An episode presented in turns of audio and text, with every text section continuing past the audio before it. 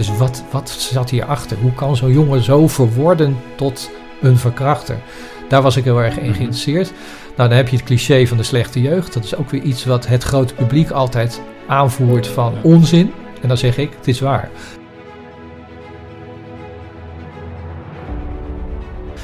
Dus dat is ook weer een bewijs voor de stelling. Deze jongen moet behandeld worden. Die moet je niet in de cel zetten. Want dat, dat jongetje wat kiekeboe speelt, zit dan tussen ervaren boeven zou je Mhm. kunnen zeggen. Althans, degenen die al veel vaker dit hebben Mhm. meegemaakt. Die gaan hem weer misbruiken. Dat ook letterlijk is gebeurd. Hij is weer verkracht in de cel.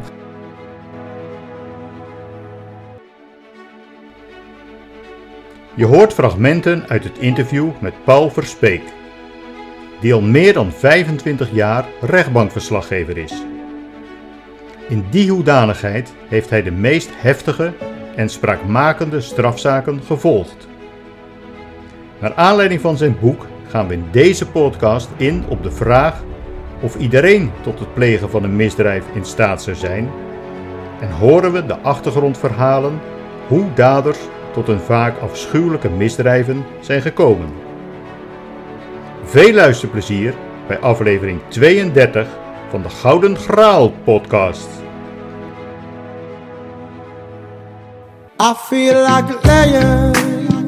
I'm so strong. Bring me the legacy. I'm so fun. I feel like an is my. We zitten vanochtend bij eh, Paul Verspeek van, eh, was nu Radio, TV Rijnmond of wat was nu de nieuwe naam? Je hebt het net even gezegd, maar... Officieel Rijnmond. Maar als ik mezelf kenbaar maak met mensen, zeg ik altijd nog van RTV Rijnmond, Mhm. Rijnmond of Radio TV Rijnmond. Zodat mensen in ieder geval meteen snappen wat ik ben en waarvoor ik werk. Ik vind Rijnmond zo'n geografische term. Eh, maar officieel eh, hoort dat wel, hè, want in het medialandschap is natuurlijk heel veel veranderd. Ik ben echt nog van de oude radiopoot, Radio Mhm. Rijnmond. Eh, dan hebben we het echt over, nou, we staan geloof ik dit jaar 40 jaar. Ehm, daar is later TV Rijnmond bijgekomen. Eh, tegenwoordig is de focus vooral op online. En eh, vandaar dat we officieel Rijnmond heten. Maar mijn visitekaartje is nog altijd Radio TV Rijnmond. Dat vind ik helderder. En dat dekt ook helemaal de lading. Ja, Radio en zeker. TV, ja. Absoluut. Duidelijk. hè. Je bent al meer dan eh, 25 jaar rechtbankverslaggever. Mijn eerste vraag is dan, hoe word je dat? Daar rol je in. Dat is een beetje de story of my life, Mhm. denk ik. Heb nooit bewuste carrièrekeuzes gemaakt. Maar op een gegeven moment ben je gewoon ergens en denk je, nou, dit bevalt me wel. Ik was eh, gewoon algemeen verslaggever bij Radio Rijnmond. En dat betekent dat je dan s ochtends binnenkomt en dan worden de onderwerpen verdeeld. En in mijn geval was dat, er is een rechtszaak eh, toen nog op de Noordsingel in Rotterdam. Een Mhm. oud statengebouw waar tegenwoordig appartementen zijn. Ik ben er toevallig afgelopen weekend nog geweest. Onherkenbaar. Mhm. Maar dat was een rechtbankgebouw. En daarachter zat het Huis van Bewaring, de Noordsingel. En daar draaide een grote zaak tegen een eh, vermeende drugsbaron. Kobus L., ook wel bekend staand als Kobus de Zigeuner. Mhm. Die zou eh, handel hebben gedreven met Suriname, met Daisy Bouters, eh, met Ronnie Brunswijk van de Jungle Commando. Dus daar zat wel een heel verhaal omheen. Maar wat ik niet wist was dat dat zo'n grote zaak was dat het niet op één dag eh, was afgekaart. En normaal gesproken een rechtszaak, de- het levendeel van de rechtszaken wordt zeg maar binnen een uurtje wel afgehandeld. Mhm. Grotere, dan kunnen ze wel eens een dag vooruit trekken. In uitzonderlijke gevallen meerdere dagen. In dit geval ging het om 20 dagen.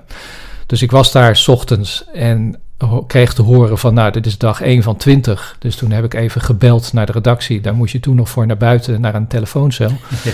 Ja. Eh, gezegd van, eh, weten jullie dat dit 20 dagen gaat duren? Eh, dus dat eh, we dat niet op één dag allemaal nee, kunnen nee. afhandelen. Nou, toen zei op de achtergrond de toenmalige hoofdredacteur Nico Haasbroek, die later nog naar het NOS Journaal is gegaan. Die zei, blijf daar maar. Laten we dat maar eens een keertje doen. Ja. Hapsnap was het tot dan toe. af en toe is een rechtszaak. Maar dat we echt iets gingen volgen van A tot Z, dat was nieuw. Mhm. En dat is goed bevallen, omdat je dan merkt dat je veel meer ins en outs kan vertellen. Je krijgt een soort band met eh, de mensen eromheen. Eh, de advocaat van de verdachte, de familie van de verdachte, die in dit geval ook wel ja, eh, in grote getalen van het woonwagenkamp waren gekomen om, om de zitting bij te wonen. Dus er was heel veel te vertellen rond die zaak, wat je nooit in één dag kwijt kan. Dus het was, nou, het loonde de moeite om daar wat langer rond te hangen. En nou, zo is het gekomen. Ehm, toen ben ik niet meteen rechtbankverslaggever geworden. Ik, ik bleef heel lange tijd algemeen verslaggever. Maar in ieder geval was de toon wel een beetje gezet om eh, wat meer aandacht, structurele aandacht aan rechtszaken bij eh, Radio Rijnmond toen nog eh, te gaan besteden. En dat is zo langzaam is dat uitgebouwd. Ook wel een beetje, denk ik, een teken destijds geweest dat misdaad als onderwerp in de journalistiek ook steeds belangrijker is geworden. Ehm, de misdaadverslaggever, ja, je had toen Peter R. de Vries, die was al wel enigszins actief, maar tegenwoordig heb je natuurlijk veel meer. En er, is, er zijn ook eh, ja, meer verslagen gekomen van rechtszaken dan, dan in der tijd. Blijkt dat mensen het gewoon heel interessant vinden. Hè, wat, wat er in de rechtszaak gebeurt. Eh, ik denk dat iedereen wel geïnteresseerd is in het kwade in de Mhm. mens. Dat, dat wat je, waarvan je Trekt van aan. ja, dat trekt aan, maar ook ehm, waarschijnlijk ook wel om te denken van zo ben ik niet. Hè? Dus Mhm. het kan ook wel een goed gevoel geven van dat zijn altijd die anderen Mhm. die het kwade doen. Ehm, er zijn verschillende verklaringen denk ik voor te geven waarom mensen het interessant vinden. Maar eh, ja, misdaad zelfs, zeggen ze wel eens, het verkoopt. Het, het, het, eh, het, het trekt de aandacht. Dat zien we bij Rijnmond ook. Hè? Je kunt tegenwoordig... ehm, online kan je heel goed zien van welke artikelen scoren. Dat is een lelijk Waar wordt woord. het meest op geklikt. Ja. Nou, maar dan, dan Mhm. zijn toch de misdaadverhalen Mhm. degene die wel het meest aantrekken. Dat, dat zie je gewoon. Dus het is, eh, van daaruit is Mhm. het gegroeid. Het was, Dat voor mij helemaal bewuste nieuw. keuze. Totaal niet. Ik was nog nooit in de rechtbank geweest. Eh, de hele materie eh, snapte ik niks van, want het is veel jargon. Dus ik moest daar echt wel in gaan verdiepen van wat zijn al die termen en zo. Ehm, d- maar vandaar, dat is wel het vertrekpunt geweest dat gaandeweg in de loop der jaren is gezegd, daar gaan we een specialisme van maken. En eh, nou ja, zo is het gekomen. Zo Zeg maar. Dus dit was 95. En nou ja, een aantal jaren later is het een specialisme geworden. En het is nu mijn hoofdtaak bij Rijnmond. Duidelijk. Na deze introductie eh, wil ik je een drietal eh, dilemma's eh, voorleggen die we ook tijdens de rest van het interview nog verder gaan, gaan behandelen. Maar nu wil ik graag een kort ja of nee erop op hebben. Daarvoor is het ook een dilemma. De plaats waar je wieg heeft gestaan en hoe je bent opgevoed is van grote invloed of je later wel of niet met criminele activiteiten in aanraking komt. Ja, Hoeft er niet lang over na te denken. Nee. Politici zouden een spreekverbod moeten krijgen als, het, als er net een ernstige misdaad is gepleegd. ja, Moet vrouwen justitia blind zijn? ja. Ze waren te makkelijk eigenlijk, die dilemma's. Ja, daar hoef ik geen, geen, geen, geen nanoseconde over na te denken voor alle drie.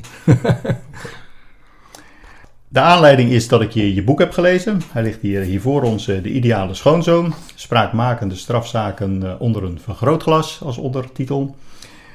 Eh, het hoofdthema van het boek is eigenlijk dat er een dunne scheidslijn loopt tussen goed en kwaad. En dat het iedereen kan overkomen om aan de verkeerde kant van de streep te komen. Hoewel je zelf, zoals je eh, zelf schrijft in je boek, een heel netjes burgerlijke leven leidt, had het tijdens de wedstrijd eh, AZ Feyenoord op 8 november 1980 eh, ook voor jou de andere kant op kunnen vallen. Kun je ons meenemen naar die bewuste avond, wat er toen gebeurde? Ja, dan gaan we naar de Alkmaarder Hout.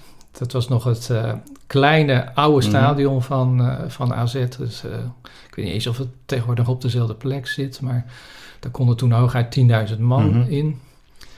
En het was in de tijd dat AZ het heel goed deed, tegenwoordig ook weer, maar het, dat was toen een hele goede periode. En ik ging niet heel vaak mee naar uitwedstrijden. Ik ben vanaf mijn zesde Feyenoord supporter en ik kan wel zeggen redelijk fanatiek Feyenoord supporter. Ik heb ook een seizoenkaart al eh 30 jaar Mhm. Voor de Kuip. Uitwedstrijden ga ik eh, nu eigenlijk nooit meer, maar in die tijd af en toe. En als puber ehm, ging ik dan wel eens naar eh, een andere club, Mhm. als Feyenoord daar tegen speelde. Je had in die tijd, dat bestond toen net, en eh, dat wordt nog wel eens toegepast, de combi-regeling. Dat, dat, dat houdt in dat je als supporters niet gewoon vrijelijk naar een stadion van een andere club kunt gaan, Mhm. Maar dat ze dat een beetje in goede banen willen leiden. Eh, dus dat je eh, van vertrek uit, in dit geval Rotterdam, tot aan Alkmaar, helemaal begeleid wordt Mhm. door de politie en de ME. Daar gebruiken ze ook van die eh, ja, zeer afstandse treinen voor in die tijd. De- de- als je daar binnenkwam, Mhm. dan zag je al van, nou, dit is waarschijnlijk zijn laatste rit. Mhm. Daar valt niet veel aan te slopen. Dus alles was erop gericht van, er is een potentieel gevaar dat er geweld komt. En daar begint het al mee. Mhm. Hè? Dus je schetst een situatie, je schetst een soort omgeving voor supporters, die ook wel uitstraalt voor mij als, nou ja, puber, ehm, die even naar je eerste vraag van waar je wieg ligt. Mhm. Ik heb helemaal geen criminaliteit in mijn omgeving in Rotterdam-Noord meegemaakt. Eh, familie, niks niet. En dan kom je eh, in zo'n trein en dan voel je gelijk al van, oh ja, ze zien mij als een potentiële crimineel. Eh, want er is politie bij. Dan kom je aan in Alkmaar. Het stadion lag, ik weet niet hoe dat tegenwoordig is, dus hoor, maar redelijk ver verwijderd van het eh, station. Mhm. Dus daar werden we helemaal begeleid door de ME. Dus dan loop je echt in kolonnen. Zodat links en rechts van je zijn mannen, vrouwen, misschien ook wel met helmen op en schilden en, en wapens. Ehm, door de straten van Alkmaar, waar mensen uit de ramen hingen. En die gaan dan natuurlijk joelen en die Mhm. gaan dingen roepen. Want ja, ze weten Mhm. toch, je kunt niks terug doen, want de ME is erbij. Eh, dus dan word je nog eens extra gezien als een potentiële hooligan.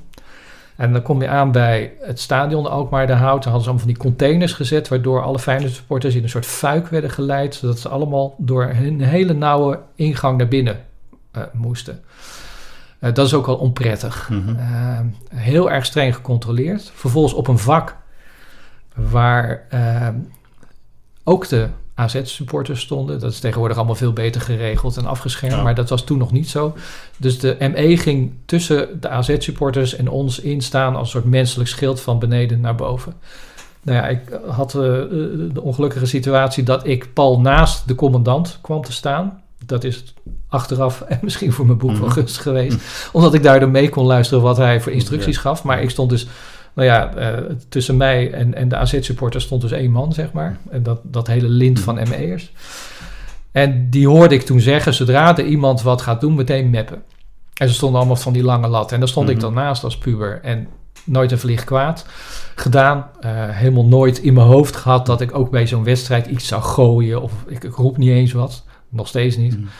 Ehm, maar dan voel je je zo eh, gecriminaliseerd door alles. Hè, door zo'n afstandse Mhm. trein, door de eh, politie die meereist, door die kolonnen, door die straten, die mensen die je dan uitjoelen, die containers. En dan allemaal opgestouwd in zo'n vak. En zo'n commandant die zegt meteen meppen als ze wat gaan doen. Zonder aanzien des Mhm. persoons. Dus je gaat niet de rotte appels eruit halen. Maar gewoon meteen laten merken, dit pikken we niet. En ik stond daar pal naast en dacht ik, ja, als er dus wat gebeurt, krijg ik een klap. En toen voelde ik me dus heel erg boos worden. En had de neiging Mhm. bijna om die man aan te vliegen. Mhm. Terwijl, nou ja, eh, je- je- jij ziet me nu, Mhm. luisteraars, niet. Maar ik, ik ben niet echt uit de kluiten gewassen, Mhm. zou ik maar zeggen. Ik heb een normaal postuur, Mhm. maar ik ben redelijk tenger. Dat was ik toen nog veel meer. Dus ja, ik kan een, een mug doodslaan, maar Mhm. daar heb je het ook al gehad. En toch voelde ik me drie keer zo groot Mhm. en breed. En dacht van, eh, ik word boos op jou. Ik ga, ik ga jou Mhm. slaan. Mhm. Nou, dat had, ik- het was een emotie die ik helemaal niet gekend had. Juist vanuit... Door die omstandigheden. Ja, Mhm. door die omstandigheden en door de omstandigheden van thuis, waardoor ik het niet gewend was. En dan merk je ineens van, hé, hey, zo kan het dus Mhm. gaan. Zo makkelijk kan het gaan dat je in de situatie gebracht wordt dat zelfs het braafste jongetje van de klas, wat ik mezelf beschouwde, en nog steeds misschien Mhm. wel, tot geweld in staat is. En ja, ja, stel je dat dus voor, dat mijn vader zou worden gebeld van, Mhm. ja, je zoon zit op een politiebureau in Alkmaar, want die heeft een, Betrokken een, klap gegeven. Ja, betrokken bij rellen, want Mhm. als hij was gaan klappen en ik had een klap gegeven, dan was er een aanleiding geweest. Dus dan was er veel meer op dat vak Ja. gebeurd. Mhm. Dan had hij misschien zelfs al wel in het nieuws gehoord Mhm. van eh, rellen in het stadion. En vervolgens wordt hij gebeld dat zijn Mhm. zoon vastzit. Mhm. Nou, hij was ter plekke was hij van zijn stoel Mhm. gevallen, zo niet een hartverzakking Mhm. gekregen. Ik, dat had hij nooit verwacht, Mhm. snap je? Nou, het is een voorbeeld Mhm. waarbij ik zelf dan, en ik bedoel, dit is natuurlijk puur anekdotisch, dit, dit is niet wetenschappelijk van, nou ja, zo gaat het in het hele leven, maar puur anekdotisch van dat ik aan de lijf heb ondervonden, oh, zo dichtbij kun je er dus zitten als de omstandigheden veranderen. Eh, nou, dat kan natuurlijk op allerlei manieren gaan bij allerlei mensen. En dat is ook wat ik in de loop van de decennia heb gezien bij al die verdachten die ik voor me heb gezien in de rechtszaal. Ehm, de echte boef, zeg maar, of wat ze dan ook nog wel eens eh, soms, als je het over de holleders of de tachis hebt, Mhm. de topcrimineel, zegt de hele bewuste crimineel die eh, echt afwegingen maakt van ik ga nu een ander kwaad berokkenen, dat is een hele kleine minderheid. Het gros van de mensen, daar spelen de omstandigheden, waar je geboren wordt, je karakter, je stoornissen die je al dan niet hebt, je jeugd, speelt een doorslaggevende rol of je wel of niet dan in dat beklaagde bankje terechtkomt. Nu schrijf je ook in je boek, er zijn 17 miljoen bondscoaches, maar er zijn ook 17 miljoen rechters. En als er inderdaad een uitspraak is van een rechter, dan is, nou, laten we het eh, voorzichtig zeggen, 90% is het vaak niet mee eens met, Ja. met, met zo'n uitspraak. Vind je dan eigenlijk ook niet dat die onwetendheid opgelost kan worden door ons onderwijssysteem daar wat meer aandacht aan te, te geven? Zou eh, een goed idee kunnen zijn dat je eh, m- mensen meeneemt hè, op de middelbare school naar eh, Mhm. rechtszalen. Ik zie dat ook regelmatig, maar dat is vaak afhankelijk van een hele eh, enthousiaste juf. Dus ik zie wel regelmatig schoolklasjes komen uit Rotterdam, hè, want mijn werkterrein beperkt zich over het algemeen tot Rotterdam, Den Haag Mhm. en Dordrecht. Ehm, ik zie dus bijna altijd dezelfde juf met, eh, met, met klasjes langskomen, maar dat is niet standaard. Sterker nog, en dat verbaast me toch elke keer weer. Ehm, studentenrechten, nou je hebt in Rotterdam een rechtenfaculteit, je hebt in, in de meeste universiteitssteden kun je rechten studeren. Het is niet standaard dat je naar de rechtbank gaat. En kijk, ik beperk me over het Mhm. algemeen tot strafzaken, maar er gebeurt daar veel meer. Mhm. je, hebt, je hebt kort gedingen, civiele zaken, familierecht, je hebt eh, vreemdelingenrecht, bestuursrecht. Het, het- je zou denken, het is standaard van de opleiding eh, tot eh, jurist dat je een x aantal uren hebt doorgebracht in de rechtszaal. Nou, dat is kennelijk niet zo, want ik zie zelden tot nooit zie ik studentenrechten langskomen. Dat moet helemaal eigen initiatief zijn. Dat je er wel eens denkt van, hé, hey, er zit iemand in de zaal. Er zit sowieso bijna nooit iemand Mhm. in de zaal. Maar dat je denkt, hé, hey, dit, dit is niet politie. Dit is niet iemand die bij verdachte of slachtoffer betrokken is. En dan blijkt het een rechtenstudent te zijn. Maar dat is puur eigen initiatief. Als het daar al niet werkt, dan hebben we nog een lange weg te gaan, denk ik. Het Omdat, gewone publiek. Oh, ja, precies in het onderwijs. Maar het zou niet, Mhm. niet, niet gek zijn. Ehm, daar zijn ook genoeg experimenten mee gedaan. Hè? Wat je inderdaad terecht zegt, als mensen reageren op uitspraken, zijn ze over het algemeen boos en het er niet mee eens. En reageren op een krantenkop, eh, verdiepen zich Mhm. eh, doorgaans niet in de rechtszaak. Eh, tegenwoordig staat bijna alles op rechtspraak.nl, kun je vonnissen lezen. En die zijn niet makkelijk, leesbaar, maar Mhm. steeds meer wordt er ook door rechters eh, getracht om het in begrijpelijk Mhm. Nederlands uit te leggen. En dat lukt ook. Dus heel veel vonnissen zijn best wel te lezen. Of er zitten vaak korte samenvattingen eh, bij. De meeste mensen doen dat niet. Maar rechtbanken houden open dagen. En dan is iedereen eh, welkom. En dan houden ze proefzittingen. Hè, dus, eh, dat is dan niet echt. Het is niet een Mhm. echte verdachte. eh, het is wel een echte rechter en wel een echte Mhm. officier en wel een echte advocaat. Maar de verdachte niet. Eh, en dan kan het publiek eh, gewoon komen en ook praten. Hè? Dus normaal gesproken bij een rechtszaak, als je op de publieke tribune zit, is het natuurlijk niet de bedoeling dat je je met zo'n zaak bemoeit. Nee. Maar dan wel. Dan Mhm. vragen ze ook voortdurend een mening. Wat vindt u ervan? Mhm. Wat zou u nou voor Mhm. straf opleggen? Of zou u misschien meneer of mevrouw vrijspreken? En dat is hartstikke leuk. Ik ben zelf ooit een keer verdachte geweest. ehm, van een, ja, een café-ruzie. Ik had iemand met een fles bier op het hoofd geslagen. Mhm. Dat was op zich al hilarisch, want ik kom nooit in cafés en bier lust ik niet. Dus als iemand een alibi zou hebben gehad, Mhm. dan was ik het wel. Maar ik moest even in die rol kruipen, Mhm. dus dan krijg je een dossier. Het was een bestaande zaak, hè, dus die nagespeeld werd. Dus dan moet je even verdiepen in nou ja, dat jij dan die verdachte bent. En dan proberen, eh, nou ja, om, om, om zo'n laag mogelijke straf, zeg maar, eh, te krijgen. En wat daar steeds gebeurde, dus dat ging niet in mijn zaak alleen, maar ik heb meerdere zaken ook bekeken. Het publiek zat vaak onder de straf van de rechter. Als ze dan helemaal gehoord hadden van wat waren de omstandigheden waarom bijvoorbeeld in dit geval ik met die fles Mhm. sloeg en eh, wat was de aanleiding en dan snappen ze, nee, iedereen snapt dan wel, ja oké, het is niet eenzijdig, hij slaat iemand zomaar uit het niets met een fles op zijn hoofd. Die ander was de hele avond vervelend aan Mhm. het treiteren, had al een keer bier in zijn gezicht gegooid, Mhm. dus het was een actie-reactie en dat mag niet, dus je moet wel een straf krijgen. Maar ja, om zo iemand nou in de cel te zetten, dus doe maar een taakstraf van 40 uur waar de rechter zijn. Mhm. Nou, ik denk dat 60 uur wel gepast is. En dat is ook wel grappig om te zien dat rechters dan quasi boos worden. En zeggen, ja, dan moet u me verdorie toch eens een keer wat uitleggen. We horen de hele dag Mhm. maar dat u ons soft vindt. En we zijn eh, D66 Mhm. rechters. En, en nou mag u het zelf een keer bepalen en dan vindt u dat ik te streng ben. Nogmaals, allemaal gespeeld, Mhm. boos natuurlijk. Maar dat is, eh, dat is meerdere keren onderzocht. En stevast blijkt, als je mensen informeert, als ze meer van de zaak weten, zijn ze veel genuanceerder. En dan is het niet boosheid en het moet allemaal veel strenger en harder. Ehm, dus ja, op je vraag zou het in het onderwijs, dat Mhm. zou schelen. Als je beter geïnformeerd raakt, vroegtijdig uitgelegd krijgt hoe dat werkt, dat zal zeker schelen. Er zijn ook wat eh, tv-programma's. We hebben Ja. natuurlijk de, de Rijdende Rechter, maar er zijn ook wel wat, eh, wat andere programma's die zeg maar echt, eh, echte rechtszaken ook, ook laten zien. Ja. Dus dat kan ook wel een stuk schelen. Daarin. scheelt zeker en daar werken rechtbanken ook graag aan mee, Mhm. omdat ze het belang er ook wel van inzien. Dat, dan zie je natuurlijk wel hele kleine menselijke zaken. Mhm. Hè? Want bij de meeste rechtszaken waar ik kom, daar wordt echt geen toestemming gegeven om alles te filmen en op te nemen. Mhm. Ehm, ik, ik beperk me meestal tot geluid voor radio.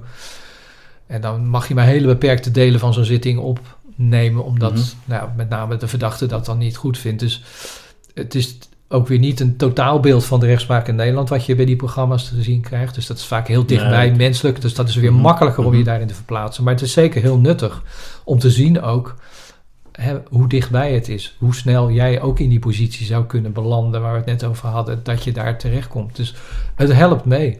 Maar nog onvoldoende om eh, te zeggen van... eh, nee, laat ik zeggen, dat boek was voor mij ook nog wel nodig. Mhm. Het, ook dat is wel voor mij een drijfveer geweest om een steentje bij te dragen aan die bewustwording van ja, eh, er zit altijd een verhaal achter een delict. Ehm, schrijf verdachten niet zomaar af als topcriminelen of boeven. Eh, mensen zijn meer dan de delict wat ze plegen, nou dat soort eh, zaken. Ehm, dus ja, dat, dat, hopelijk Mhm. draagt het ergens toe bij, zo'n boek, dat dat op, eh, ja, die programma's op tv, als het dit onderwijs zou kunnen, ik zou het op zich een goed idee vinden. Je beschrijft in je boek over het leven van eh, Gerson F., die het monster van de S eh, werd genoemd, die een beestachtige verkrachting op een willekeurig meisje die het maar ten nauwer nood heeft overleefd. die zaak eh, roep je ook in je boek, zeg maar. hè. In de 25 jaar schrijf je in je boek, heb je nog nooit zo'n treurig levensverhaal gehoord. En je omschrijft het in je boek als...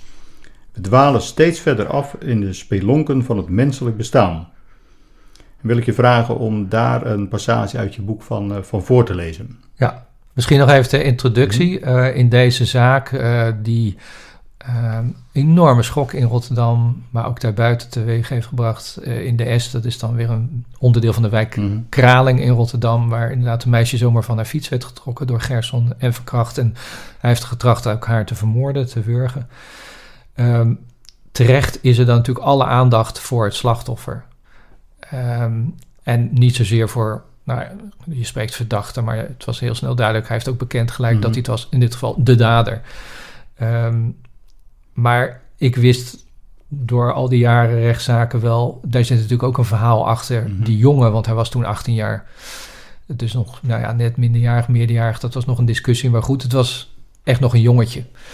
Uh, dus ik was ook op voorhand al heel erg geïnteresseerd van, wat zit daarachter? Je gaat niet zomaar een meisje van de fiets trekken. Hè? Dat legde ik net ook al uit echt bewust gepleegde misdrijven, dat je dat thuis zit te bekokstoven, dat komt bijna niet voor. Dus wat, wat zat hierachter? Hoe kan zo'n jongen zo verworden tot een verkrachter? Daar was ik heel erg in geïnteresseerd. Mm-hmm. Nou, dan heb je het cliché van de slechte jeugd. Dat is ook weer iets wat het grote publiek altijd aanvoert van ja. onzin. En dan zeg ik, het is waar. Bijna mm-hmm. alle verdachten die ik in het beklaagde bankje in de loop van de jaren heb gezien, hadden een slechte jeugd, zijn nou ja, op de een of andere manier verkeerd terechtgekomen, mishandeld, uh, verwaarloosd. Alles van wat ik in die jaren heb gezien bij elkaar opgeteld, mm-hmm. dat is Gerson F, zou je kunnen zeggen. Die jeugd, uh, ja, dat, dat was onbeschrijfelijk. Ik heb het geprobeerd, dus ik kan dat voorlezen, een, een gedeelte daaruit, uh, hoe dat was. Ja. Gerson F. groeit op met een agressieve vader en een dove, verstandelijk beperkte moeder. Het is een wereld van geweld en seksuele perversiteiten. Vanaf zijn vierde levensjaar wordt hij stelselmatig misbruikt, mishandeld en verwaarloosd. De jongen heeft zich aangeleerd in situaties waarin hij wordt geslagen of misbruikt niets te voelen of weg te vluchten in fantasieën. Ook ontwikkelt hij een sadistisch afweermechanisme. Hij is elf jaar als hij uit huis wordt geplaatst en zijn lange tocht langs justitiële instellingen begint. Hij werd om de paar maanden overgeplaatst en dat is niet goed voor iemand met hechtingsproblemen, zegt zijn advocaat Tina Sandrik. Gerson heeft een strafblad, onder meer voor straatroven. Veelal benadert hij daarbij vrouwen van achteren en berooft hen. Een deel van de recente buit wordt bij hem thuis gevonden bij zijn aanhouding. Hij zegt mensen te hebben beroofd zodat hij vriendinnetje N cadeautjes kan geven. Ten tijde van de verkrachting loopt hij nog in de proeftijd van een eerdere veroordeling.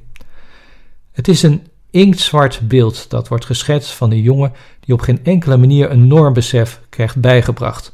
Voor galg en rat opgegroeid klinkt bijna nostalgisch, Siske de Ratachtig, als je het afzet tegen het leven van Gerson. Gewetenloos dekt de lading beter. Dat openbaart zich ook in zijn houding ten opzichte van seksualiteit.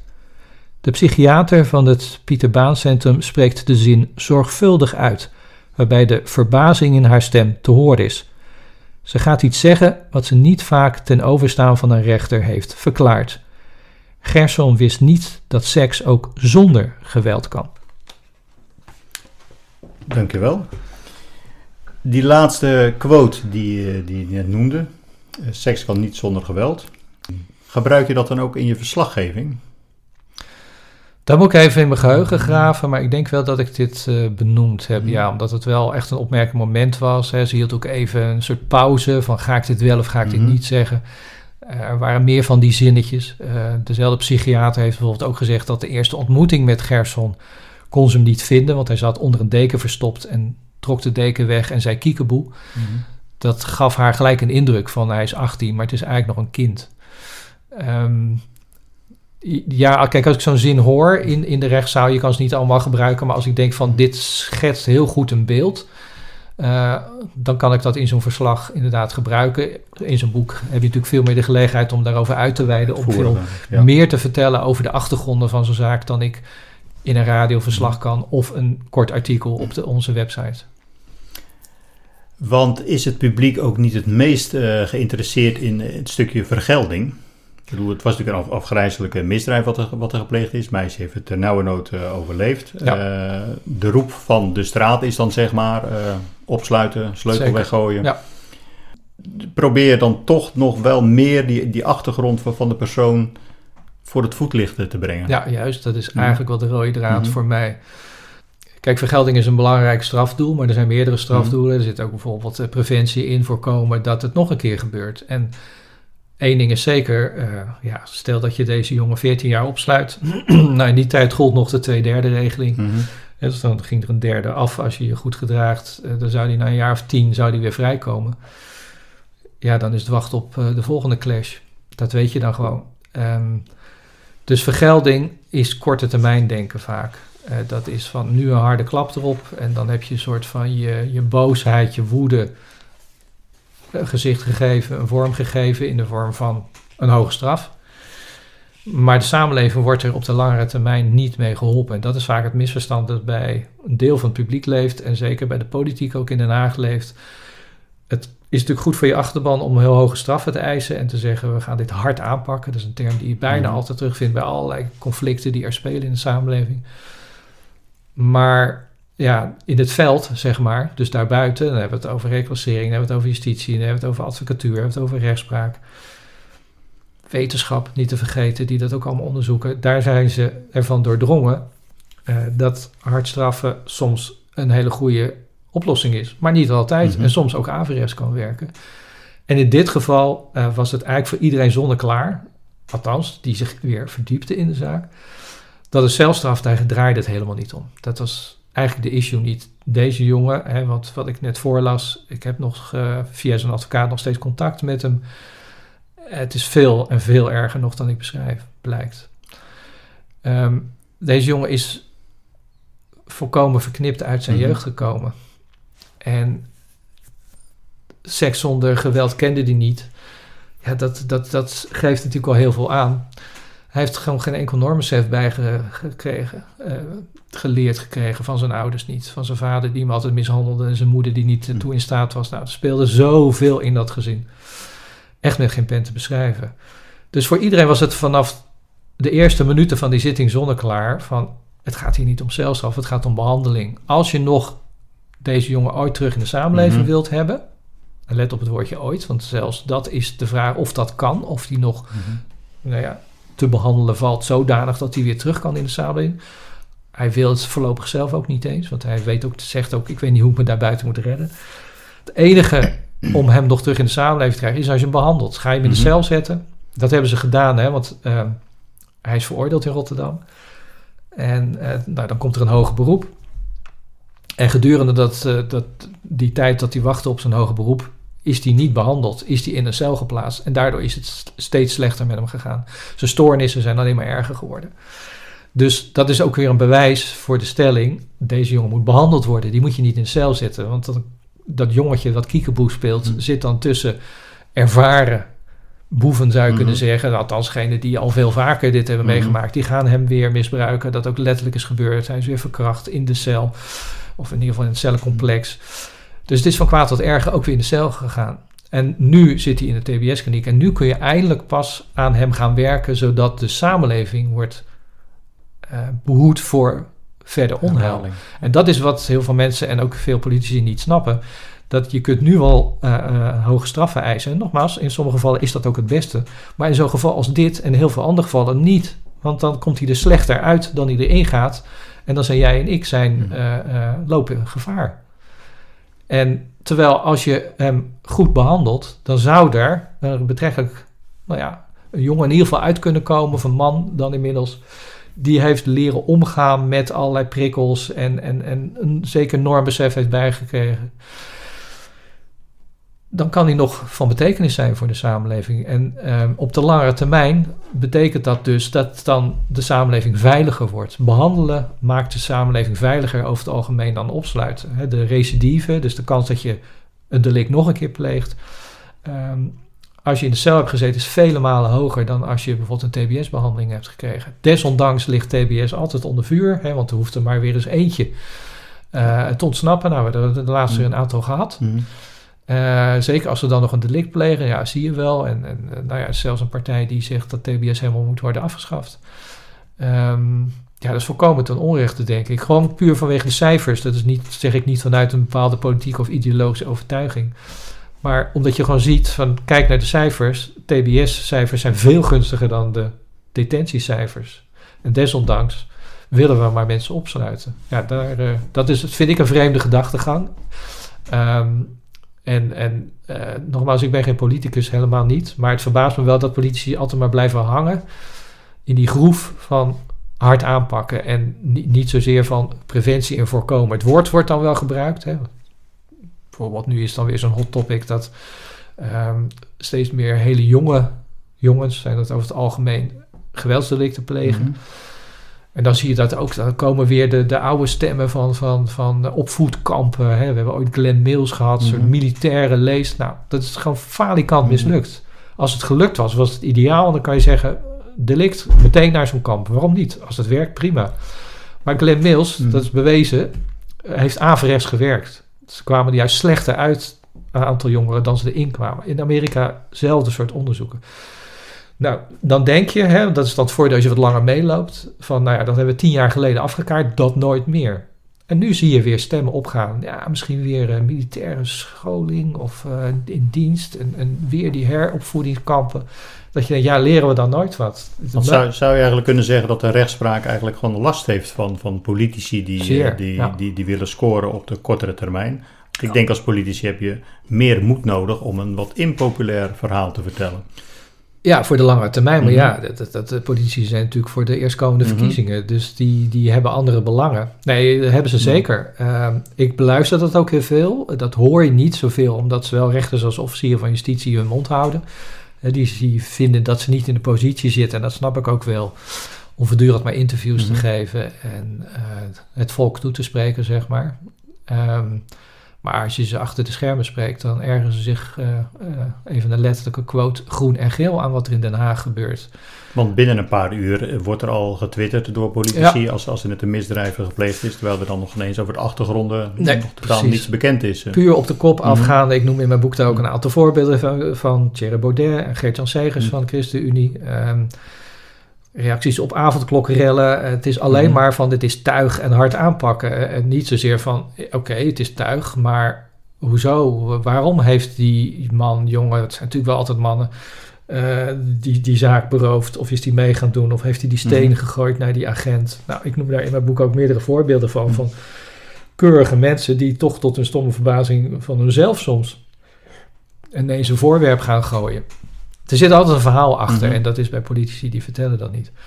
Ehm, maar nog even over, eh, hebben ze er last van? Ze hebben er ook letterlijk last van hè, in de rechtszaal. Ehm, je hebt bijvoorbeeld eh, een, een, een hele discussie gehad over het taakstrafverbod. Het Mhm. taakstrafverbod. Ehm, dat is ook zo'n zo'n hot item voor politiek Den Haag, wat in de rechtszaal helemaal niet speelt. Een rechter heeft een heel palet van een geringe boete tot voorwaardelijke straffen, taakstraffen, eh, celstraffen, behandeling, TBS. Alles is mogelijk.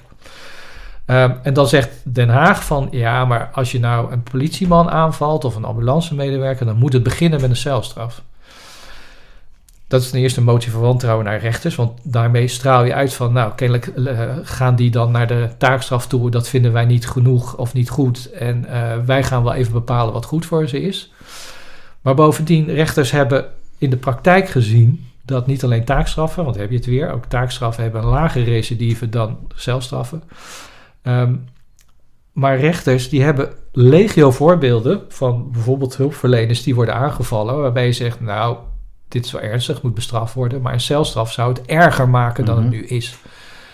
Eh, de omstandigheden, daar gaan we weer, eh, van de man die, hè, dat is zo'n voorbeeld, eh, rijdt hoge snelheid naar het ziekenhuis, rijdt iemand aan, maar hij rijdt naar het ziekenhuis omdat zijn vrouw zwanger is, die op punt staat van bevallen. Eh, dan komt er een hulpverlener die wil ad- administratie rustig gaan opnemen. Die zegt van ja, daar heb ik geen tijd voor, man. Die duwt die Mhm. kerel weg. Die valt op de grond, valt op zijn achterhoofd. Zo'n man wordt berecht, want die heeft een hulpverlener aangevallen. Dan kan je wel zeggen van ja, die moet gewoon de cel in. Maar dan is hij dus niet bij de geboorte van zijn zoon of dochter. Mhm. En eh, de omstandigheden waren er ook dat je denkt, ja, je snapt ook wel dat iemand misschien emotioneel is. En als er iemand zegt, ja, nee, sorry, het spijt, maar Mhm. ja, ik was helemaal gestrest, mijn eerste kind. Weet je. Nou, bij elk delict zit zo'n verhaal. Mhm. En in heel veel gevallen snapt eigenlijk iedereen, ja, daar moet, je geen, daar moet je niet iemand opsluiten. Want dan haal je hem uit zijn sociale omgeving. Je kan daardoor een baan kwijtraken. Eh, heel veel jongeren, dat zagen bij die avondklokkerellen, die hadden een studie. Die zeiden, ja, als ik nu, eh, want forse straf hè, in het begin, echt van twee, drie maanden. Ja, dan kan ik mijn studievaarwel Ja. zeggen. Of mijn stage eh, niet. Of mijn baas weet niet dat ik hier nu ben. Dus als ik nu de cel in ga, ja, moet ik dat uitleggen? Dan ben ik mijn baan kwijt. Als het al zo'n jongen is die dan, nou ja, dat je denkt van het is al tot nu toe altijd goed gegaan, maar wel een beetje, nou ja, eh, de, de, de stap naar dat het fout gaat in de omgeving waar hij opgroeit is wat kleiner dan, laten we zeggen, bij mij in Rotterdam Noord ooit was. Als je die dus in de cel zet, heb je het gevaar dat je het erger maakt. Nou, dat zijn afwegingen die rechters maken. Soms zeggen ze nee, flink lang zitten. Mhm. En soms zeggen ze, in dit geval, eh, deze man, eh, zo'n zaak was bijvoorbeeld in Amsterdam, van eh, de, de, karatentrap was dat van de avondklokkerellen. Iedereen heeft dat gezien, die Mhm. beelden. Maar die onderhield zijn gezin en daar was de schade groter geweest als die daaruit was gehaald en in de cel. Dus die he- hebben ze gezegd, ga jij maar een flinke taakstraf uitoefenen in je vrije tijd. Snap je? Nou, zo'n taakstrafverbod wordt door Den Haag opgelegd volledig vanuit de gedachte we moeten dingen hard aanpakken. Maar niet omdat het in de praktijk beter zou werken. En daar zit een enorme kloof tussen. Tussen wat Den Haag denkt en vindt en wat de rechtszaal blijkt en bewijst. Nou, daar, ja, daar hebben dus rechters last van, want die worden dus aan handen en voeten gebonden dan. Want nou, zo'n taakstrafverbod is dan door de Eerste Kamer weer eh, verworpen. Mhm. Maar anders dan ja, zitten zij aan een celstraf vast als ze denken, eigenlijk had ik hier een taakstraf moeten opleggen. Nou, en ook het Openbaar Ministerie. Ik spreek genoeg officieren die zeggen ook, ja, dat is gewoon onzin. In sommige gevallen moet je gewoon geen celstraf opleggen. Want het zijn ook niet de eerste de beste, zeg maar, die hier dan wel eens eh uitspraak over doen. Want bij die avondklokkenrellen tijdens de corona, toen sprak premier Rutte Ja. eh, over dat eh, criminele gedrag wat er toen plaats heeft gevonden. Het is gewoon crimineel gedrag, zei hij toen, en dat gaan we niet zoeken naar diepe sociologische oorzaken. Nou, je zegt in je boek eh, dat Rutte hierbij het klassieke verschil tussen begrip en begrijpen verward. Ja, dat is een klassiek verschil dat heel veel mensen Mhm. door elkaar halen hoor. Als ik uitleg waarom Gerson F. de- dat delict heeft gepleegd vanuit zijn jeugd, hè, die, die schets van 18 jaar, ik heb het ook samengevat van zijn leven was tot dan toe een Mhm. hel. En daardoor maakt hij het leven van, in dit geval dat meisje, tot een hel. Ehm, dat beschrijf ik om te proberen te begrijpen waarom hij dat delict heeft gepleegd. Niemand heeft begrip voor zijn daad, hij zelf ook niet. Dat is wat anders. Mhm. En dat loopt door elkaar omdat, kijk, politici, maar heel veel burgers natuurlijk ook zijn gewend om heel met een hele eh, moralistische blik naar de samenleving te kijken. Dus goed en kwaad. En, dus je moet het vooral veroordelen. Ja, dat staat buiten kijf dat je al die delicten, ook van de avondklokkerellen, veroordeelt. Niemand zegt, nou joh, dat is ook wel eens leuk Mhm. een beetje. Hè? Nee, nee, dus al die delicten die ik in de loop van de jaren langs heb zien komen, daar heb ik geen enkel begrip voor. Maar ik probeer het wel te begrijpen. Als je het nou begrijpt, dan kan je misschien kijken, kunnen we dat voorkomen? Mhm. Bij zo'n Gerson, dat is natuurlijk een heel extreem geval. Dus daar is de vraag of dat nog kan werken. Maar ik heb zat van die avondklokkerel jongens gezien, dat je denkt, nou, dat kan echt wel goed komen. Eh, maar als je ze te hard aanpakt, kan je ze net de verkeerde kant op duwen. Dan, dan zet je ze vier maanden in de bak tussen andere, nou, noem het dan maar even weer boeven Mhm. word je niet beter van. Ehm, dus probeer te begrijpen wat daar speelt. Wat je heel vaak ziet is eh, dat bijvoorbeeld alcohol een enorme rol speelt.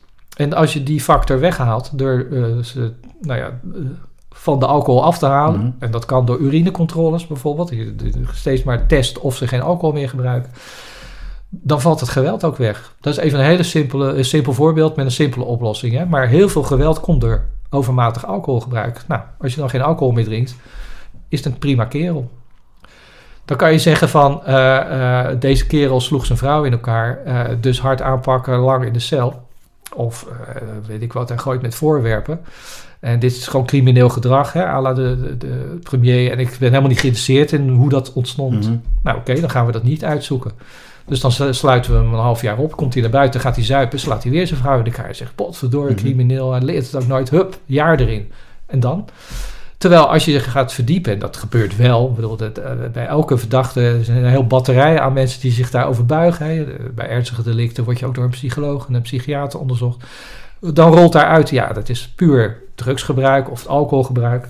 Als je dat nou kan beheersen, of helemaal uit kan schakelen, dan is het al eh, de halve oplossing of de hele oplossing soms. Waarom zou je dat niet doen? Dus dit is puur populistische taal, maar het heeft niks met de werkelijkheid te maken, waardoor de samenleving wel of niet veiliger wordt. En ja, kijk, in de rechtszaal zie ik dat ze daaraan werken.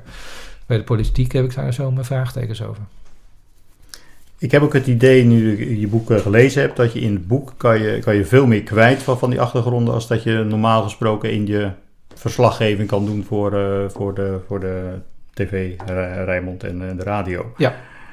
Ehm, heb je daar wel eens moeite mee? Want het moet natuurlijk in, in korte tijd, Ja. hè, een aantal woorden, een aantal eh, minuten, eh, moet het helemaal eh, compact eh, verteld worden. Ja, nou ja, goed, dat is ook wel weer de kunst. Het Mhm. is ook wel weer eh, goed om dat te proberen. Hè? Net als, kijk, eh, ik, had het over eh, de rechtspraken die, de vonnissen die op rechtspraak.nl staan, eh, die misschien niet altijd even makkelijk te lezen zijn, maar wel in toenemende mate. En je ziet dat ook rechters er lol in krijgen. eh, om een heel, wat vonnissen zijn soms boekwerken. Hè? Bedoel, als je bijvoorbeeld de blokkeervriezen eh, kijkt, dat is ook 200 pagina's van Mhm. allemaal bij elkaar opgeteld. Dus dat, dat, is, dat is echt het omvang van een boek. Ehm, maar er zitten ook hele handzame korte samenvattingen bij. En je ziet dat rechters dat ook leuk vinden om in een paar zinnen te zeggen: ja, maar waar gaat dit nou om? Dus het is belangrijk om achtergronden te geven, maar het is ook goed om in één of twee regels te zeggen: waar draait deze zaak om? Wat, wat, wat is nou de essentie? Want het is ook wel van belang om je dat te realiseren.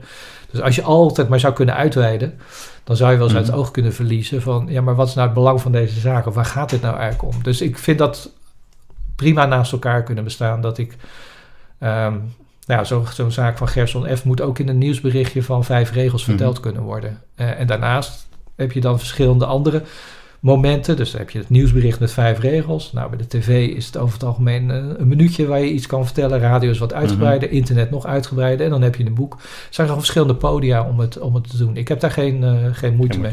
Maar ik vond het wel lekker, ja. Mhm. Ik, eh, dus Kan nee, zeker. En zeker Mhm. ik heb ook wat oudere zaken erin opgenomen. Ge- Gerson is dan van een aantal jaar geleden, maar ook zaken van twintig jaar geleden. Mhm. Toen bestond internet wel, maar was er nog niet zo'n traditie om een heel verhaal op papier te zetten. En eh, dat merkte ik ook, dat ik dacht van ja, als ik terugkijk, we hadden dan wel zo'n kort berichtje op de site staan. Ja, van drie alinea's of zo. Dan denk je, oh wat jammer, wat had ik daar veel meer over kunnen schrijven. Maar dat deed je toen nog niet, twintig jaar geleden. Ehm, dus dat vond ik ook wel heel prettig om dat eens helemaal uit te schrijven. En dan nog veel meer ruimte te nemen dan je nu op internet zou kunnen. Dus dat is heel bevredigend, ja. Is jouw mensbeeld door het volgen van al die jaren als rechtbankjournalist ook, ook veranderd?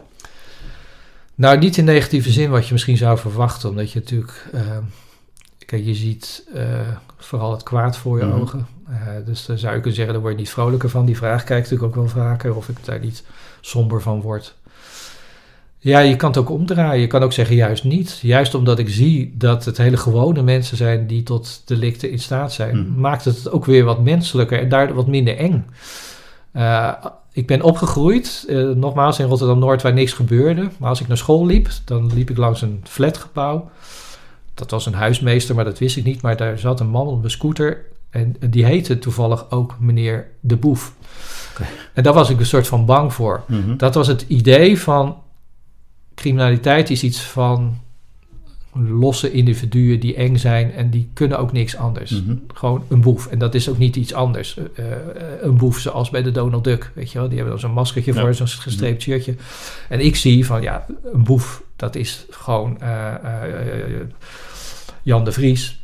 En die heeft gewoon een baan en die heeft een kinderen en dat doet hij allemaal goed. En daarnaast is hij ook een keer over de schreef gegaan. Mhm. Snap je? Dus het is veel meer dan dat. Dus je mensbeeld kan er ook juist wel weer beter door worden. Dat je beseft van het zijn niet soort kwade geniussen die rondlopen en die voortdurend maar bezig zijn om de wereld onveilig te maken. Het zijn vaak ook ongelukkige situaties waardoor het veroorzaakt wordt. Dat maakt je ook weer wat minder bang, juist, voor mijn gevoel.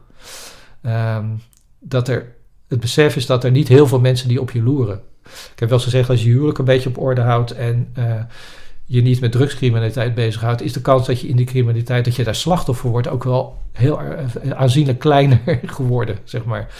Ehm, heel veel van de delicten die ik beschrijf eh, in mijn verslagen, ja, daar hebben gewone mensen, komen daar nauwelijks mee in aanraking. Dus het is ofwel heel erg dichtbij, Mhm.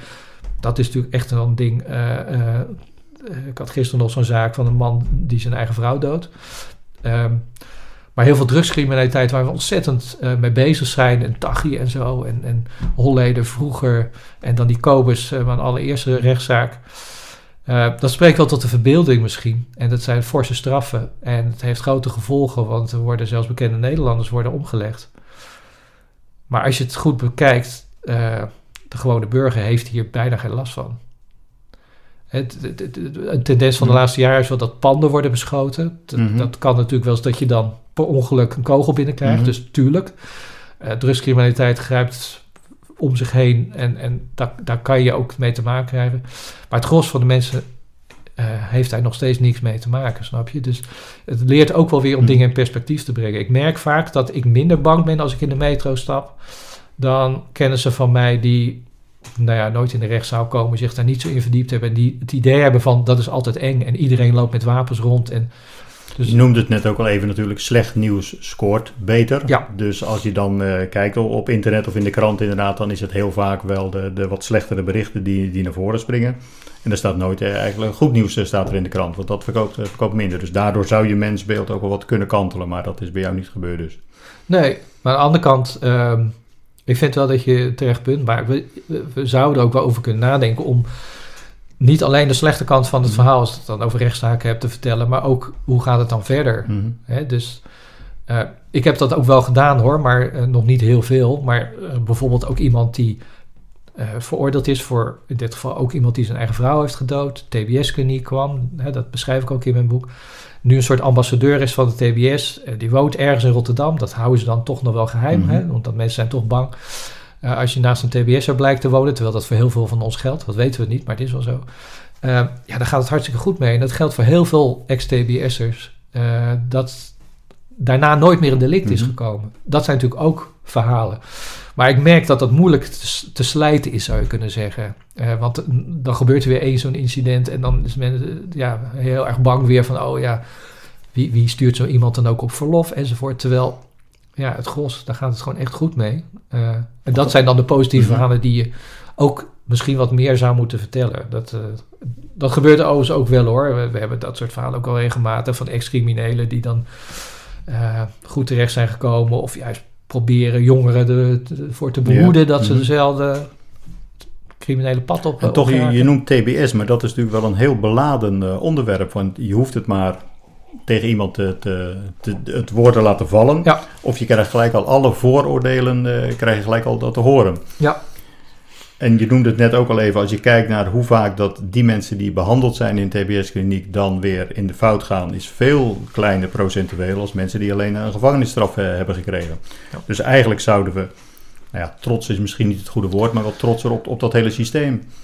Ergens wel, ja. Het, is natuurlijk een woord wat je niet snel gebruikt. Omdat, Mhm. kijk, bij TBS dan heb je het niet alleen over delicten, maar ook mensen met stoornissen. Dat zijn Mhm. over het algemeen hele ernstige delicten. Dus dan gebruik je doorgaans niet woorden als trots of van een fantastisch Mhm. systeem. Maar het is wel zo, het is vrij uniek. In het buitenland kennen ze, nou ja, de- andere vormen, maar niet zoals in Nederland. Ehm, ik beschrijf dat ook in mijn boek, hoe eh, op een gegeven moment in Rotterdam, hè, je hebt dan ten zuiden van Rotterdam, in, in Portugal heb je een kliniek de Kuiverlanden. Nou, die hebben lang geleden ook met een incident te maken gehad van een eh ex-TBS'er die weer delicten pleegde. Daar was toen heel veel aandacht voor. Toen is ook weer vanuit de politiek geroepen van het systeem moet Mhm. stoppen, TBS-klinieken dicht. En die directeur zei toen, ja, op datzelfde moment kreeg ik dus een hele delegatie, dat was volgens mij uit Frankrijk, om te kijken van hoe goed dat wij, wij dat hier doen. Mhm. De ex-TBS'er die ik net noemde, eh, die zichzelf ook een soort ambassadeur van de TBS noemt, die vertelde dat ook dat eh, hij regelmatig buitenlandse delegaties te woord staat. Hè? Dus Mhm. dan komt er zo'n heel clubje komt dan naar de TBS-kliniek om te kijken hoe doen we dat in Nederland. En dan nodigen ze hem ook uit om zijn verhaal te doen als ex-TBS'er. Dus dat is natuurlijk het rare dat we in Nederland zeggen, eh, gaat het vaak heel erg in de richting van het is gevaarlijk en een TBS'er heeft een stempel en eh, je moet eigenlijk die mensen sowieso nooit meer vrijlaten. Terwijl in het buitenland kijken ze met een zekere bewondering hoe wij dat doen, hoe we mensen weten op te lappen en hoe we daardoor een veiliger samenleving creëren. Dan komen ze dus kijken van wat kunnen we van jullie leren. nou ja, daar zie je heel mooi eh, de tegenstelling eh, in tussen wat het beeld is in Nederland zelf en wat de werkelijkheid is. De werkelijkheid is dat, tuurlijk gaat het wel mis soms en garanties heb je nooit. Mhm. Dat heb ik ook gezien, beschrijf ik ook, van mensen die helemaal het eind van hun behandeling waren. Nou, de bloemen stonden al klaar en toen gingen ze toch Mhm. nog de mist in. Dus dat kan. Dat kan overigens net zozeer als je niet in de TBS-kliniek zit. Dat vergeten mensen wel eens. Maar eh, het is niet zo dat het daar ontstaat.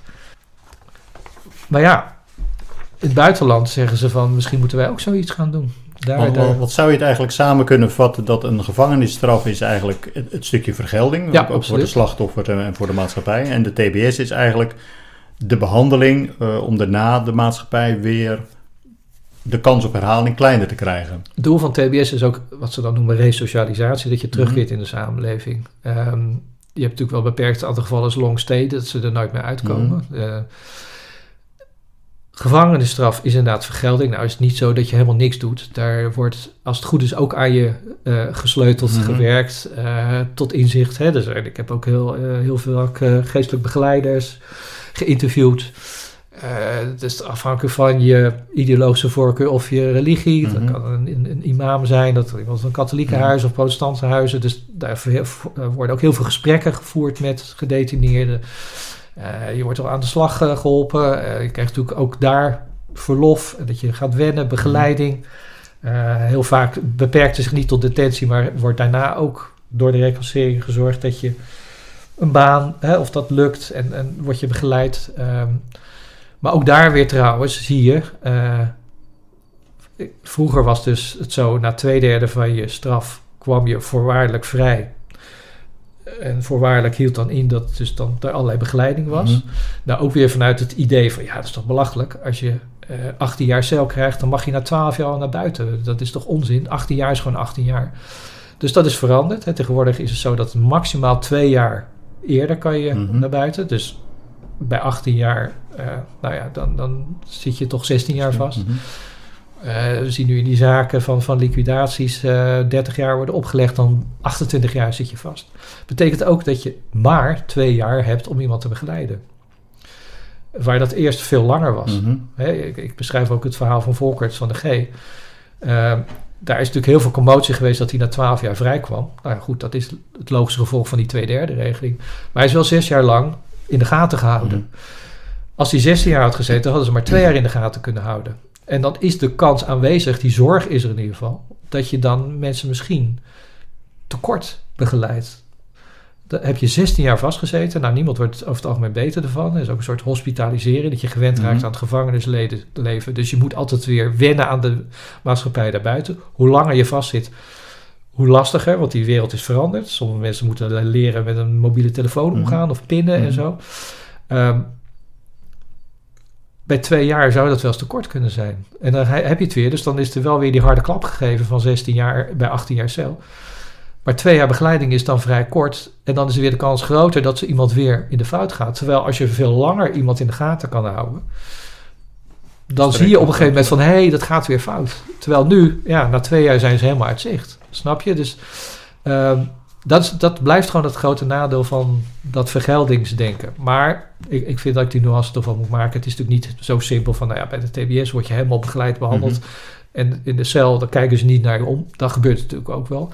Maar dat is wel weer verschraald door de politiek. En dat je denkt, ja, niemand in het veld heeft daarom gevraagd eigenlijk. En toch gebeurt het. Dat, dat blijft mij fascine- fascineren toch wel.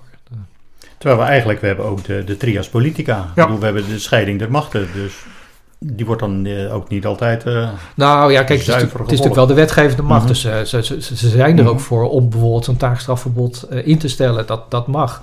Alleen het is jammer dat ze daarbij niet kijken van wat zegt het veld. mhm. En wat dat betreft is dat taakstrafverbod wel een heel interessante geweest.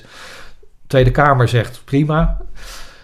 Toen kwam er nog meer commotie. Er zijn allerlei eh, hoorzittingen geweest, waarbij ook rechters waren in de Eerste Kamer. En ja, bij de Eerste Kamer zit je toch wat meer van het vuur af. Hè? Van de eerste komen Mhm. de verkiezingen, de achterban. Daar is toch iets meer rust om na te denken over dingen, lijkt het wel. En daar is het net afgekaart. Dus te zeggen, van, dat doen we niet. Ehm, dus dat, dat, dat, dat helpt dan wel. Maar nee, het, het is, ja... ehm, ik blijf me bazen, verbazen over, over politiek eh, Den Haag. hoe ze hun beslissingen nemen. Eh, en en ehm, hoe, hoe slecht ze luisteren eh, eigenlijk naar, naar de naar- experts uit het veld. ja, gewoon de, de, de, de, realiteit eh, zou je kunnen zeggen. Hè. Ze- Ze zeggen wel, eens, er is een kloof tussen eh, politici en burgers. Ik denk dat ze juist veel te dicht op elkaar zitten. Dat ze veel te veel redeneren vanuit een beeld dat ze hebben van hun achterban, van het volk, van wat Mhm. die wel zou willen. Terwijl ze zouden veel meer moeten luisteren naar wat in de praktijk gebeurt. Daar is die kloof volgens mij eh, veel groter. Trios Politica, dat speelt wel eh, als het gaat om reageren op vonnissen. Dat is, ja... Kijk, je mag als Kamerlid zeggen van... nou, ik heb nou een heleboel vonnissen bekeken... eh, en dat en dat gaat er volgens mij niet goed. Daar moeten we het eens in de Kamer over hebben. Mhm. Dus we moeten die wetgeving aanpassen. Dat kan. Maar op een hele concrete strafzaak reageren die je niet kent... waar je alleen maar op een krantenkop reageert... en dan boos bent, dat is altijd hetzelfde. Dus nooit van, nou, wat een goede uitspraak. En voordat de rechter ook erover gesproken heeft. Ook dat soms Mhm. wel, ja. Ja, dan, dan scheid je die trias politica grenzen, zeg Ja. maar. Ja. Ja, en, en waar rechten zich daar over het algemeen keurig aan houden... die hebben zoiets van, ja, wij mogen ons niet met de politiek Nee. bemoeien. Dat is dan ook, weet je, dat evenwicht is er niet. Hè? Dus, dus die, die laten hun stem Mhm. niet gelden. Nou ja, dat doe ik dan af en toe. En andere verslaggevers... Nee, dat is niet Ja. een missie alleen van mij hoor. Maar alle rechtbankverslaggevers hebben datzelfde. Van, nou ja, Mhm. wij leggen uit hoe het dan wel zit in de zaal... zonder daar verder grote politieke bedoelingen mee te hebben. Maar het, het is wel noodzakelijk. We gaan langzaam naar de, de afronding van dit eh, interview. Eh, we zouden nog even terugkeren naar de dilemma's. Maar eigenlijk zijn ze al eh, uitgebreid aan de, aan de orde gekomen. De plaats waar je wieg heeft gestaan, hoe je bent opgevoed, of dat van grote invloed is. Nou, heb je uitgebreid toegelicht dat dat van hele doorslaggevende factor kan, kan zijn. Ja. Politici zouden een spreekverbod moeten krijgen als er net een ernstige misdaad is gepleegd. Hebben we Zeker. het ook over gehad, dus Ja. vandaar dat je ook gelijk ja kon zeggen. En moet vrouwen justitia blind zijn? Eh daar zei je ook ja. Nu heb ik ook wel gelezen dat er ook wel andere gedachten zijn. Die zeggen eh, bij het bepalen van bijvoorbeeld een straf moet de rechter ook naar de persoon van de verdachte kijken. Dat doen ze ook. Dat is standaard. Oké, Ja, nee, de rechtszaken zijn wat dat betreft, strafzaken, zijn wat dat betreft vrij simpel. Ehm, de officier zegt eh, waar wordt deze verdachte van verdacht. Hè? Mhm. Dus die leest de aanklacht voor. Dan gaat de rechter met de verdachte praten. Dat is de feitenbehandeling. Dan komen de slachtoffers aan het woord. En dan de persoonlijke omstandigheden. Dat is standaard bij elke rechtszaak van... eh, nou, u zit nu zo lang vast. Of u zit niet vast. Of maar, eh, hoe ziet uw leven eruit? Ehm, afhankelijk van delict is er psychologisch, psychiatrisch onderzoek gedaan. Bij hele ernstige delicten gaan mensen naar het Pieter Baan Centrum. Hè, dat is een instituut waar ze kijken of je echt een serieuze stoornis Mhm. hebt. Zo ja, dan zou dat kunnen uitmonden in TBS. Eh, persoonlijke omstandigheden zijn vaak een heel belangrijk onderdeel zelfs van een strafzaak. Juist om te kijken van hoe is deze persoon tot deze daad gekomen en kunnen we voorkomen dat het nog een keer gebeurt. Misschien ook wel een beetje kunnen we iets leren ook voor andere gevallen. Mhm. Ehm, maar dat gebeurt dus al. Dat is, dat is gewoon een staande praktijk. Voordat we overgaan naar mijn vaste slotvraag, wil ik je nog vragen: eh, ben ik nog iets vergeten te vragen? Wil je nog iets kwijt?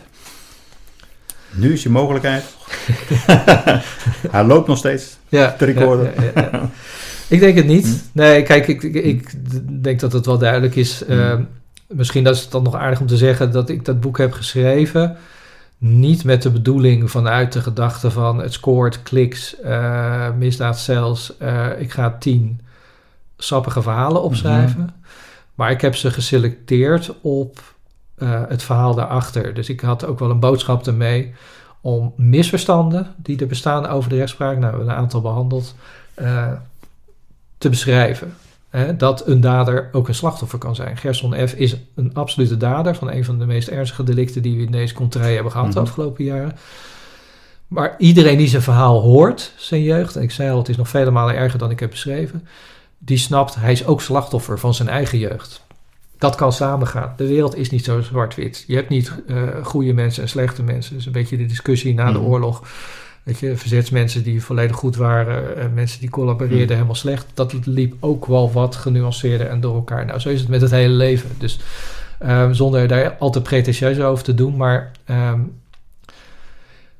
de bedoeling van mijn boek is ook om dat duidelijk te maken. En dat wilde ik ook. En daar heb ik de zaken op geselecteerd. Dat ze ieder voor zich ook nog een tweede verhaal vertelden. Die iets over de rechtspraak vertelt. Eh, over verdachten, over, nou ja, inderdaad die dunne scheidslijn waarmee we begonnen zitten. In de hoop dat als je dit boek hebt gelezen, als je dat zelf al niet dacht, dat je dan tot het besef komt van ja, die stap is soms wel heel klein. En we kunnen soms wel eens heel erg makkelijk roepen van dat overkomt mij niet.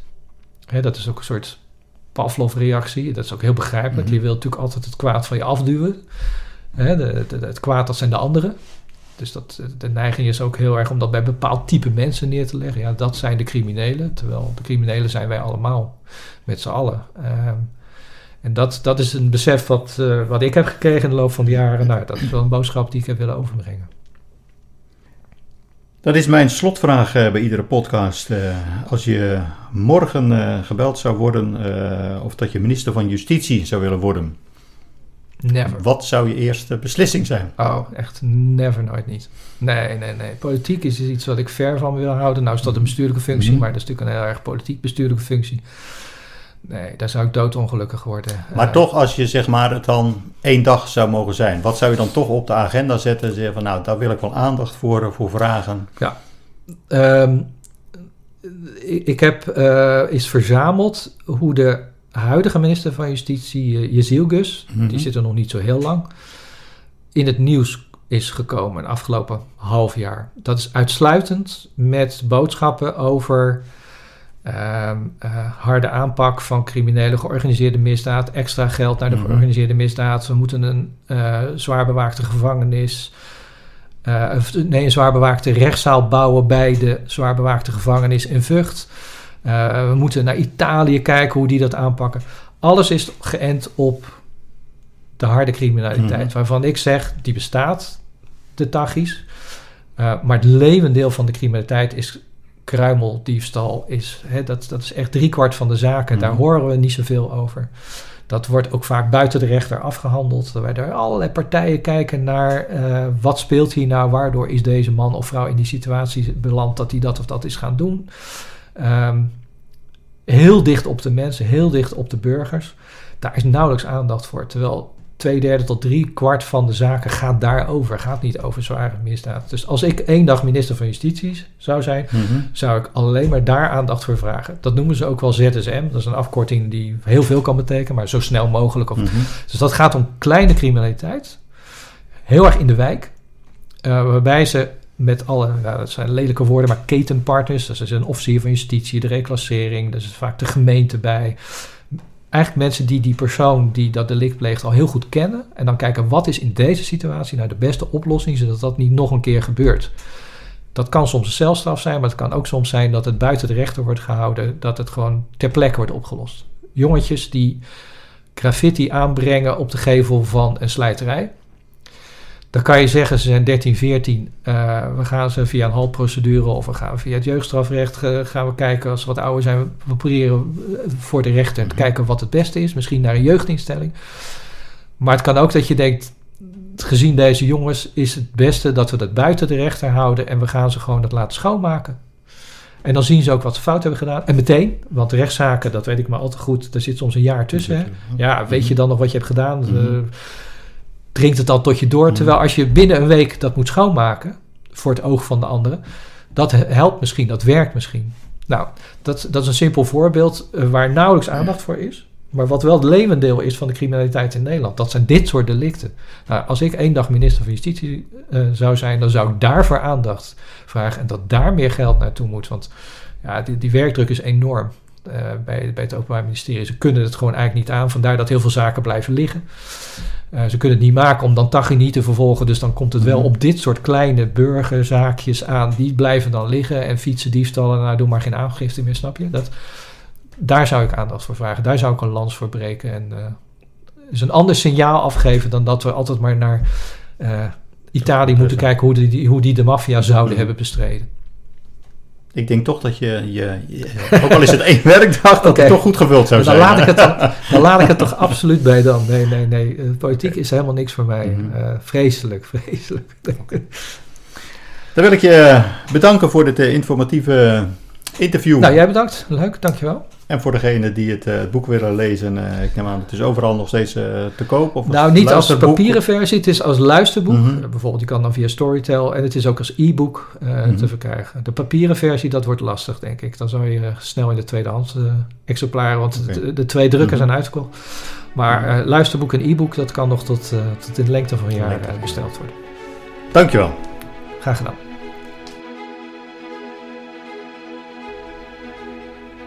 Je hebt geluisterd naar het interview met Paul Verspeek, schrijver van het boek De Ideale Schoonzoon. Het heeft mij een inkijkje gegeven in de oorzaken van het gedrag bij sommige delicten. Hoewel deze laatste nooit goed te praten zijn, kan het wel deels begrepen worden. Voor nu bedankt voor het luisteren en tot de volgende aflevering van de Gouden Graal podcast. I feel like a lion. I'm so strong. Bring me the legacy. I'm so fun. I feel like an energy is going inside my mind. See, I'm so fun. Come on, let me breathe.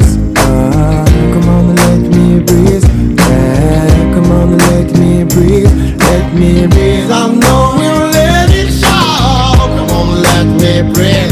Ah, let me breathe.